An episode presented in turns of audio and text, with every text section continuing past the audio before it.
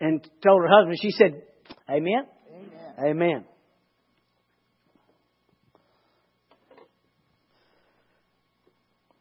I told the group Wednesday night on the television program uh, this week. I we we did about four television programs, and and right in the middle of it, I was talking about God's super on our natural, and I, uh, I you know sometimes when the Lord gives you something, you can't explain it to someone like He gave it to you. And I tried my best Wednesday night. I could not get that out what it meant to me, but just get this. You are blessed no matter what. Thank you for your enthusiasm. You are blessed by God. He'll never leave you or forsake you. You can't run the blessing off. There are certainly areas that you can decide not to use it in, but you, you cannot make him mad and you can't offend him to run the blessing off. Because you can't offend love. Love takes no account of a suffered wrong. Okay? So, because of who you are in Christ Jesus, because of Jesus and our receiving Him as our Savior and our new birth, in every area of your life, you can look out there and you can look, say, at the the the, the physical end, the health end, and and maybe you know maybe you you've had a report that this is what's happening in your body or this is what's wrong. Well, that is true. That's the way it is in the world we live in, and we are part of it, right? Maybe it's financial. You know, maybe the checkbook is, is here or what, you know, and that. That that's the way it is. Maybe that a family situation is. Christian people of faith do not deny what is. We don't stick our hands in, in the sand and say, "Oh, I don't believe that. That's not the way it is. That's not the way it is." No, what we say is it's going to change. And for this reason, that's the way it is in every situation in life that's not right. But that's natural. And because you're a child of God, His super is on your natural and my natural. So we must always remember yes, I see that. I understand that's the way it is. But I know in me it's not going to stay that way. Because God said, I said, that's, that's when, when Jesus, when I saw in the Bible that Jesus did not ask God to increase the five loaves and two fish.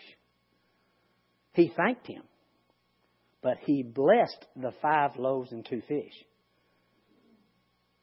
He empowered it to prosper. That's what he told us to do. You speak to the wind, you speak to the waves, you speak to the fig tree. He empowered it to prosper, and that five loaves and two fish, which were natural, had God's super put on it because Jesus blessed it. That's why it fed 20,000 people. You say, oh, that, that just, just doesn't make any sense. It does not. Because the nat- in the natural, that cannot make sense. But when you put the super on the natural, it can. And that's what God has put in your life. So never, never depart from that. You say, hey, it may not be working out right now, but let me tell you, it ain't over till it's over. This thing's going to turn around. That, that's why people need to understand God doesn't bring the bad, and God doesn't allow the bad. That, that's not Him allowing it. All the, all the bad that happens in people's lives, sickness, disease, poverty, oppression, all the horrible things, that is not God allowing something. Only for the very fact that He has turned this earth over to man and man's got his right to do anything he wants to do, and that's why it's in a mess. But never forget, God will use that bad if you'll let Him. He will turn that bad to good. Remember? But don't, don't, well, God's letting this happen for some reason. No, the devil's trying to kill you, probably. Destroy you, steal from you, whatever. And that's all a violation of God's Word. But His Word in your life, His blessing, is on, that and super is on your natural. See, that, that's what David told his brother. I mean, Joseph told his brothers when he said, What you meant for evil when you sold me, and, and you know, into Egypt, what you meant, and that word meant is the word weave. What you wove for evil, it said God meant or wove it for good. So no matter what it is, know that God's blessing is on you, and He'll even take the bad stuff. He'll make your mistakes to prosper. That's what He said. In order for it to be a name to Him. Amen? That's not the message, but here it is. Oh, let me get my glasses. Y'all, norm- y'all know I normally wear one contact. And uh, I've done that for probably I don't know how many years because I can read with it and then I can still see. And since we came to the office to get dressed and cleaned up this morning, I didn't bring my didn't have my contact in, so I grabbed these. And I, y'all know what I call these? These are my appearance glasses. I just wear them for appearance. When I put them on, things appear. And so that's what we're doing. All right. Go with me to the book of Numbers. We're going to have fun with one long story today. I'm going to show you and me how blessed we are. Go with me to the 22nd chapter of the book of Numbers.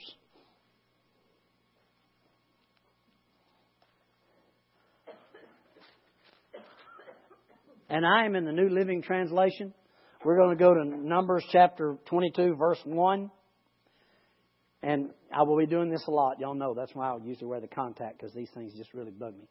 Uh, this is right after, right after the bronze serpent in the wilderness, where the, the children of Israel, when they looked at that bronze serpent, they would live. If they looked away from it, they died. And that's why the Lord said, everybody that looks on that serpent, that serpent represents Jesus. He became sin for us.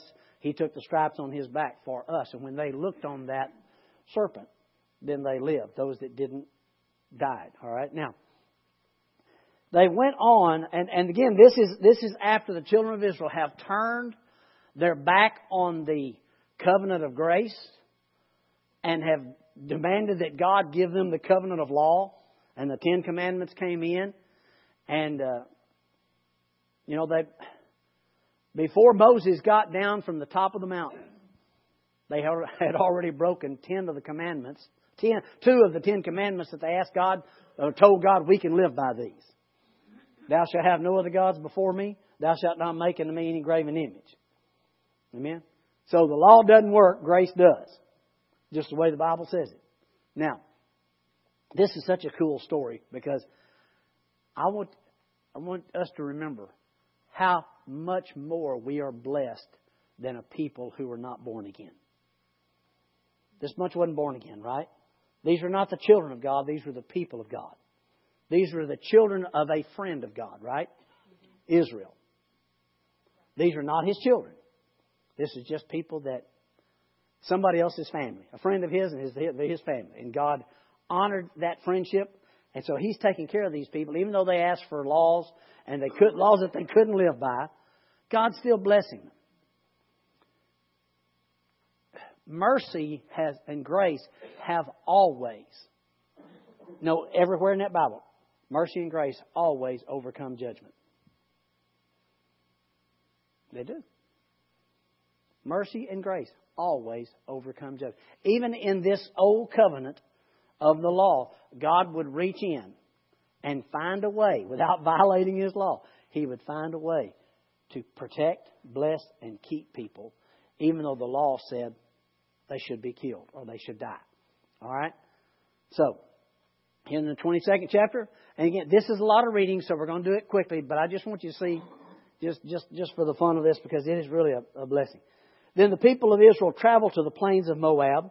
They camped east of the, Jordan River and across from Jericho. Balak, son of Zippor, the Moabite king, had seen everything the Israelites had done to the Amorites. When the people of Moab saw how many Israelites there were, they were terrified. The king of Moab said to the elders of Midian, This mob will devour everything in sight like an ox devours grass in the field. So Balak, king of Moab, sent messengers to call Balaam, or Balaam, Balaam, son of Beor, who was living in his native land, Pethor, near the Euphrates River, and his message said, Look, a vast horde of people has arrived from Egypt. They come, they cover the face of the earth and are threatening me. Please come and curse these people for me because they're too powerful for me. Then perhaps I'll be able to conquer them, drive them out from the land. I know that blessings fall on any people you bless and curses fall on people you curse. All right? Now, this guy, Balaam, it's really a strange situation. You see us read this more. Because at one time, I know you won't know anybody like this, but sometime he's right in the middle of God's will. And the next time you see him, he's doing his own thing. And the next time you see him, he hears what God says. And the next time you see him, he turns what he thinks God says into what he thinks he wants. No, we, we don't know anybody like that, right? But that, that's the way this guy is. And again, this is Old Testament. You got to remember when he, the gifts and calling of God are without repentance. And God would anoint somebody, and He would bless somebody, and they could be a scoundrel, and He'd still use them. Really? I mean, think about it. So that, that's the way this guy is. All right, so where did I stop? What, what verse? Seven? All right. So Balak's messengers, who were elders of Moab and Midian, set out for with money to pay Balaam to place a curse upon Israel. See, th- th- we, we kind of get the motivation here of how this guy works. All right? So they went to Balaam and, and delivered Balak's message. Stay here overnight, Balaam said. In the morning I'll tell you whatever the Lord directs me to say. So the officials of Moab stayed there with Balaam. That night, God came to Balaam and asked him, Who are these men visiting you? Balaam said to God, Balak, son of Zippor, king of Moab, sent his messengers. He said, This vast horde is coming. Come and curse the people for me, then perhaps I'll be able to stand against them. Verse 12. But God told Balaam, Do not go with them. You are not to curse these people, for they have been blessed. Okay? Next morning, Balaam got up, told Balak's officials, Go on home. The Lord will not let me go with you. So the officials, the Moabite officials returned, report of Balaam. He said, refuse to come. Verse 15, then Balak tried again. This time he sent a larger number of even more distinguished officials than those he had sent the first time. They went to Balaam, delivered this message to him. Balak of Zippor says, Please don't let anything keep you from coming to me. I will pay you very well.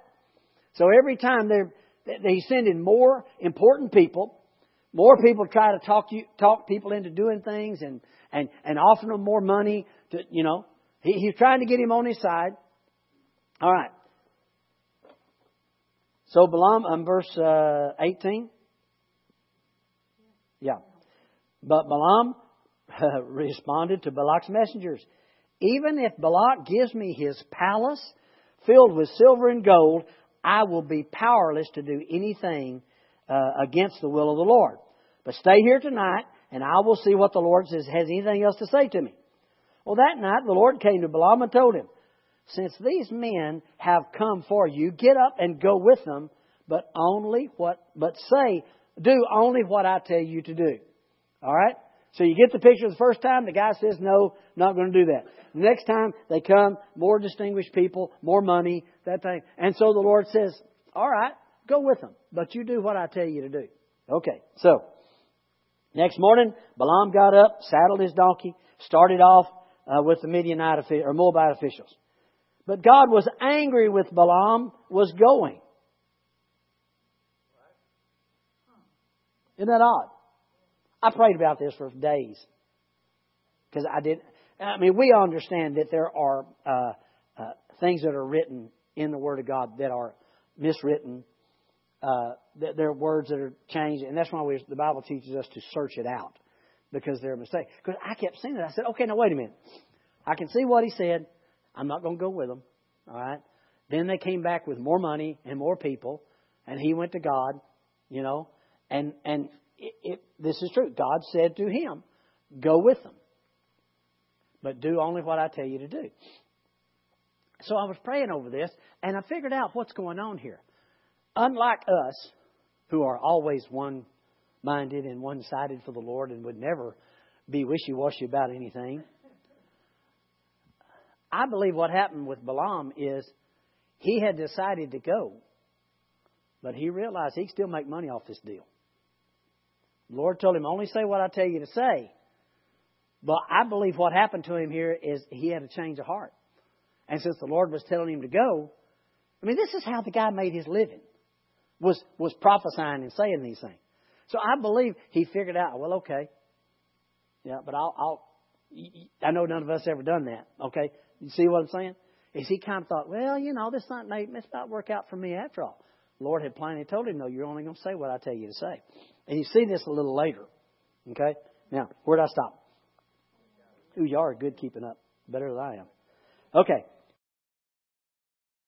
So the next morning, got up, saddled his donkey, and uh, went off to fish. But God was angry that Balaam was going, so he sent an angel of the Lord to stand in the road to block his way. Well, Balaam and two servants were riding along, and Balaam's donkey saw the angel standing in the road with a drawn sword in his hand. The donkey bolted off the road into a field. Balaam beat him and turned him back into the road. Then the angel of the Lord stood in a place a little further down the road, narrowed where the two wall, vineyard walls met. And when the donkey saw the angel uh, of the Lord, it tried to squeeze by and it crushed Balaam's foot against the wall. So Balaam beat the donkey again. Then the angel of the Lord moved further down the road and stood in a place too narrow for the donkey to get it all, to get by at all. This time, when the donkey saw the angel, he lay down under Balaam, and in a fit of rage, Balaam beat the animal again with his staff. Then the Lord gave the donkey the ability to speak. He gave the donkey the ability to speak. And, and I can't help it. And the donkey said, Okay, does anybody think this strange that the mind is talking? Have y'all seen that commercial? Where the lady's buying insurance, she's got a little baby in the in the stroller, and this mime comes up, and then this kid, you know, they show his mouth moving. He's like, see, it's strange that the mime is talking. You know, and, and then, oh, we, and when I read that, I thought, oh, that is so funny. Because nobody makes a big deal out of the donkey talking here. Balaam didn't say, Are you kidding me? You know, he just, I mean, just, I don't know why. I still don't know why. Because not like animals talked a lot, even in the Bible. Right? No, but this donkey's talking. And it's, okay. All right. So anyway, and it's a good thing he did because the donkey saved his life. Okay? Now, where did I stop for? I got the joking around. Okay, 28. Then the Lord gave the donkey the ability to speak. What have I done to you that deserves you beating me three times? He asked. What? You, he said, You made me look like a fool. Balaam shouted. If I had a sword with me, I'd kill you. He said, But I'm the same donkey you've ridden on all your life. The donkey, have I ever done anything like this before? Well, no, Balaam admitted. Then the Lord opened Balaam's eyes, and he saw the angel of the Lord standing in the roadway with a drawn sword in his hand. Balaam bowed his head and fell face down to the ground before him. And see, I'm, I'm going by again. I don't don't go out there. Our pastor said, and this is the way it is that that this man changed his mind. But there had to be something here because the Lord told him to go with him. But he had to have changed his mind about what he was going to do. He doesn't tell us that. But the Lord goes to a great, I think, a great extent letting the donkey talk. Okay? And, and to save this guy's life.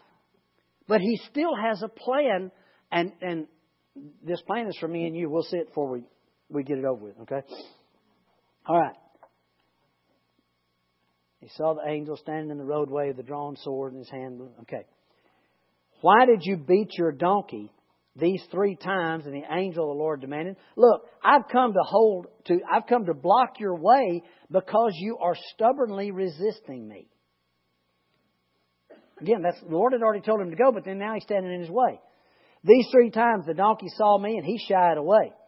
And yes, it's that old saying that sometimes a donkey has more sense than a lot of people. But anyway, I would certainly have killed you by now and spared the donkey.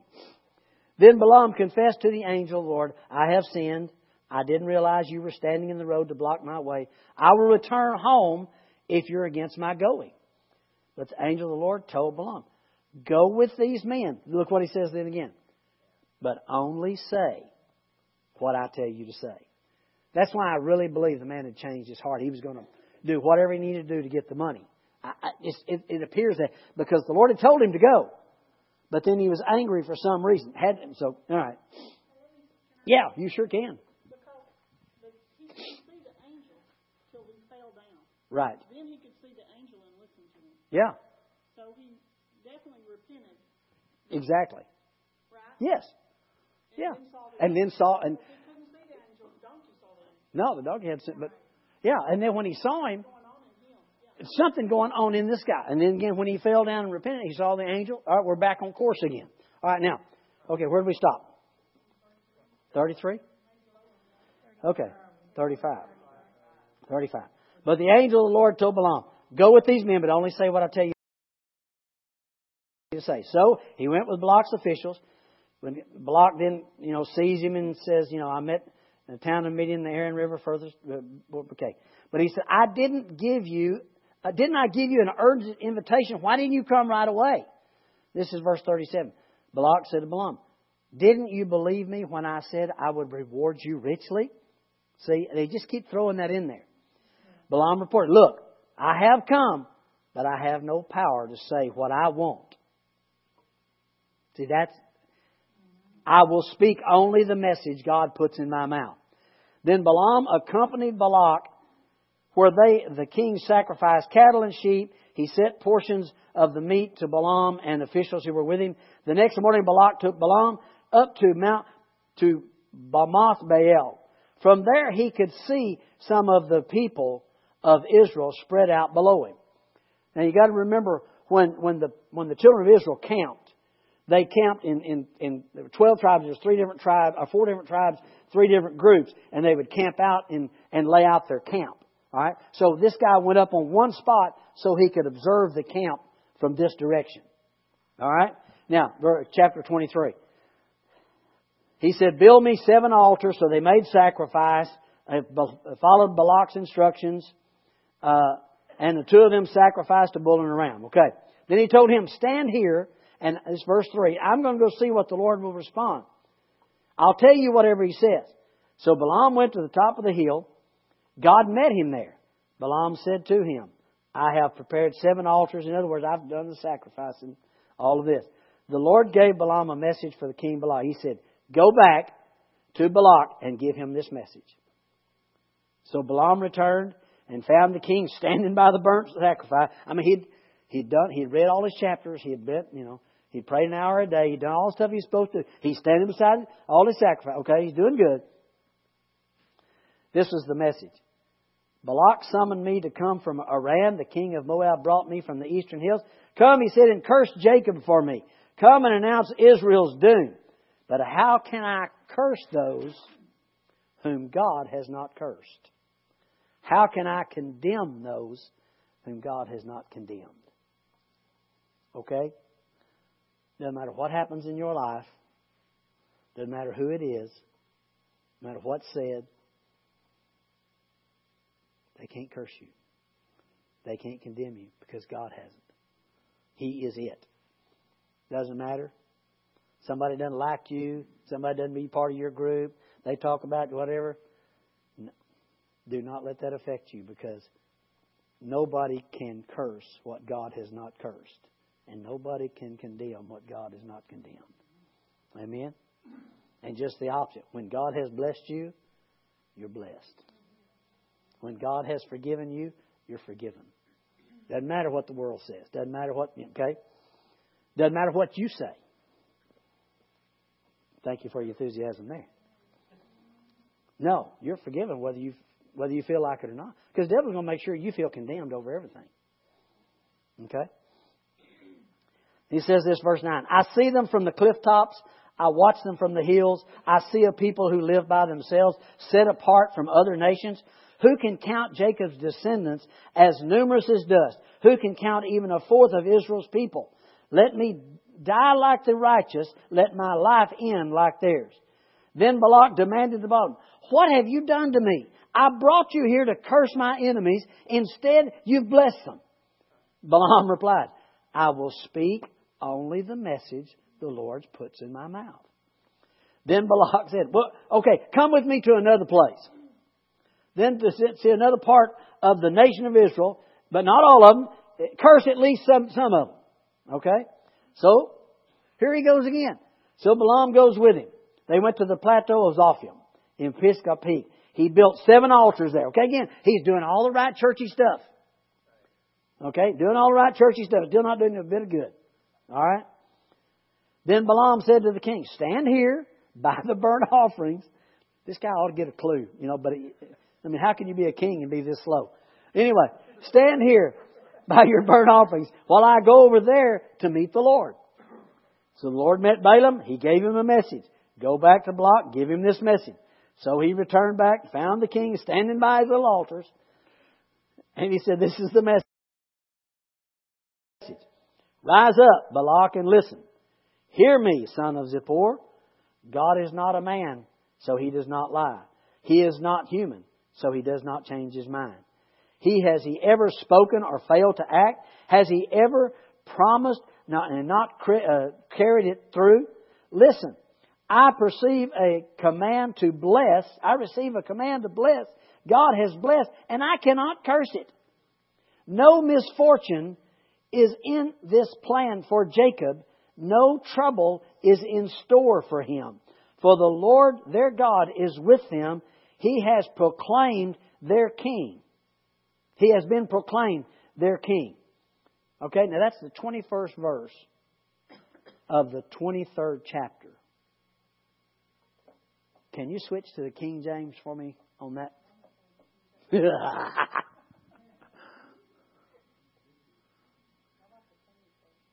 he hath not beheld iniquity in Jacob, neither hath he seen perverseness in Israel. The Lord his God is with him, and the shout of a king is among them. How are you going to curse someone God doesn't see any iniquity in? How are you going to curse somebody that God doesn't see any perverseness? Now you're talking about three and a half to seven million people. Okay? Do you figure somewhere in that three and a half to seven million people, they might be a perverse individual? There might be someone Listen, there might be someone who had not followed all those Ten Commandments. I promise you, every one of them there had not followed those Ten Commandments. They were impossible to follow.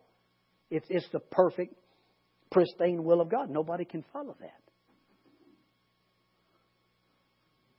But how many times growing up in church were you told that if you didn't do exactly everything God said and didn't do it the way He said, that you'd be cursed? You couldn't. God can't bless you. God can't get that to you because you've done this or you said this or you've done that and you, you hadn't read enough. You haven't done this. You haven't done it. And this guy here, who is a prophet, is saying, how are you going to curse somebody God's blessed? How are you going to do this when God sees no perverseness in them? God sees no iniquity in them. And he said, I don't care if you give me your palace and everything you got. I can't do it. Because Almighty God refuses to see the iniquity. If God refuses to see your iniquity, you're in good shape. You know what David said? He said, How blessed is the man. He wasn't talking about himself because he lived under the old covenant. How blessed is the man to whom God will not impute sin. Isn't that something? Okay. But anyway, that one in the King, that verse in the King James is, is really so cool. Okay, I'm hurrying here. I want you to see something. Uh, uh, uh, uh, then he goes on and, and just continues to bless them in that whole thing. All right, now verse verse 25. Uh, then Balak said to Balaam, Fine. If you won't curse them, at least don't bless them. But Balaam replied to Balak, Didn't I tell you I can only do what the Lord tells me? The king Balak, King Balak said to Balaam, Come, I'll take you to another place. Perhaps it will please God to let you curse them there. So they go around to another place, high up on this mountain. They look down in. It. Now, by now, this is the first verse of 24. By now, Balaam reached, uh, realized that the Lord was determined to bless Israel.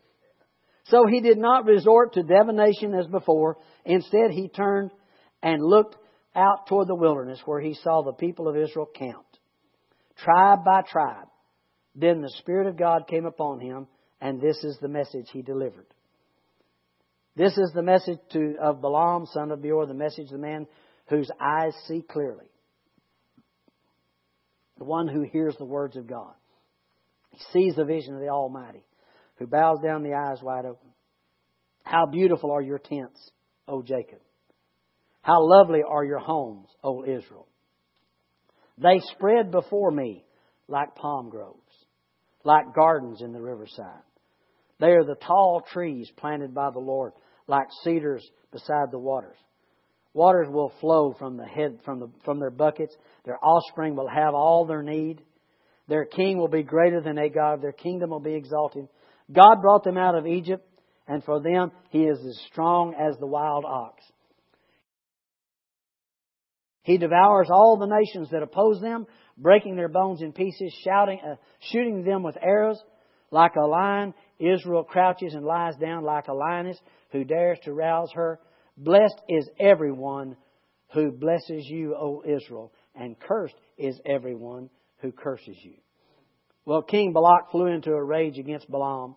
He angrily clapped his hands and shouted, I called you to curse my enemies. Instead, you blessed them three times. Now get out of here. Go back home. I promised to reward you richly, but the Lord has kept you from your reward.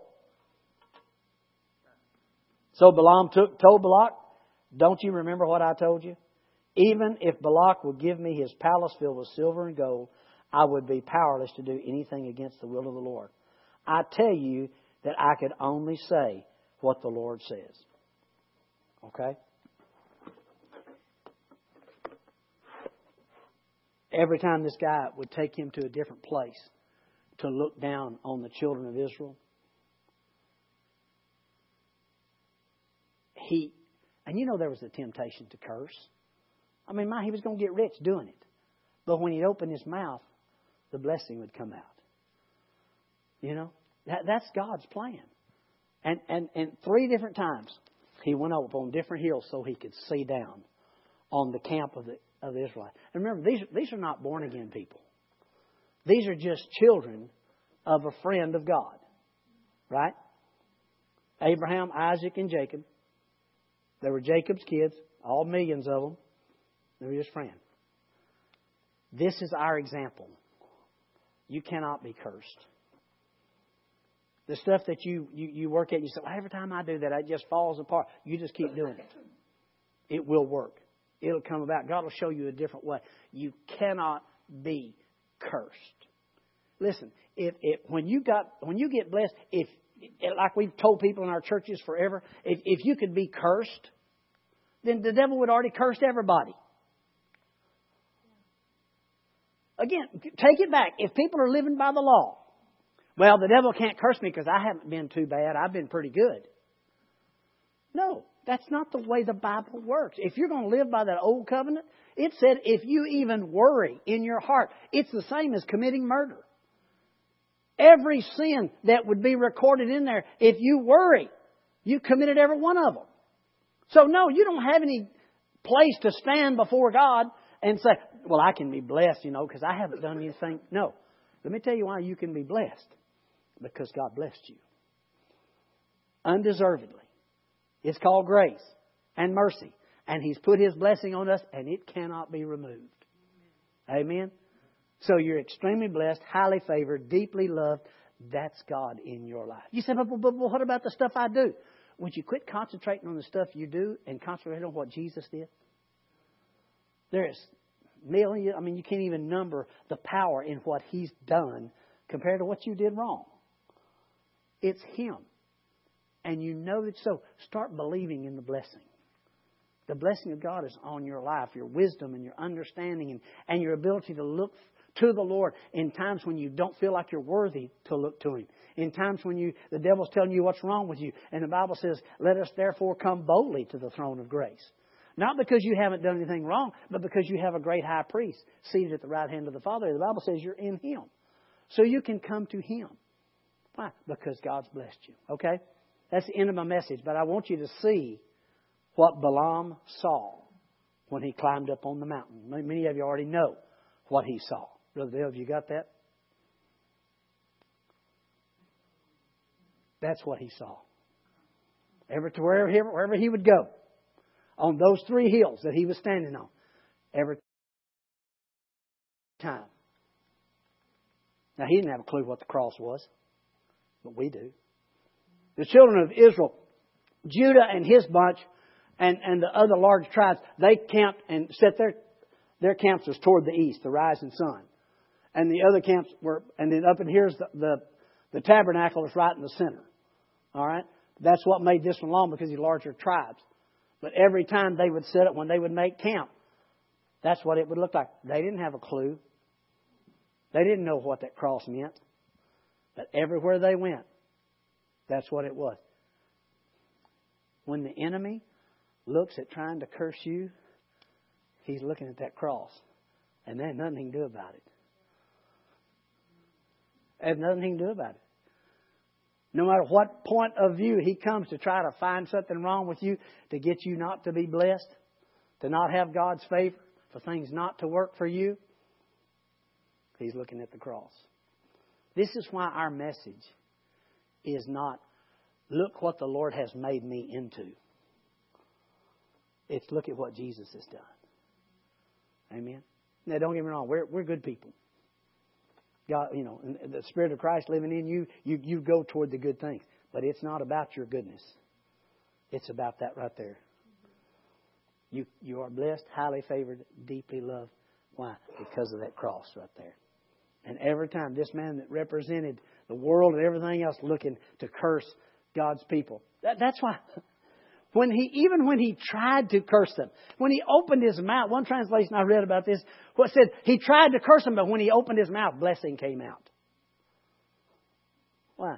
You can't look at that and not talk blessing. Amen? That's the God that we serve. You are blessed, highly favored, deeply loved because of the cross of the Lord Jesus Christ. What He's done in you. That's why you and I succeed. That's why we have the right to succeed. It's why we have the power to succeed. Everything else because of that cross. Amen. Let's stand together. I told you it's going to be abbreviated, kind of, sort of. I don't know what time it is, but did pretty good, huh? I really, I'd, I'd seen, I'd read Joseph Prince's book, and I had been, but weeks ago I'd been studying on that because Balaam and his donkey came to me, and I kept thinking, I'd seen that scripture where it said God told him to go, and then he got mad at him. I thought, okay, there's something not right here, and I started. Well, just a few days later, I picked up Joseph Prince's new book, and I was reading it, and that this diagram was in there. I mean, I've seen it other places too, but when I saw that, I thought that is so cool. When you're standing up on, you know, the enemy standing up on the hill looking down at you, you know, you can't see any individual there. There's millions of them. You can't, well, I'm going to curse that one, I'm to curse that. No, there's one thing you're looking at. It's the cross. And because of Jesus' cross, you're blessed. Amen? Amen. Oh, yeah?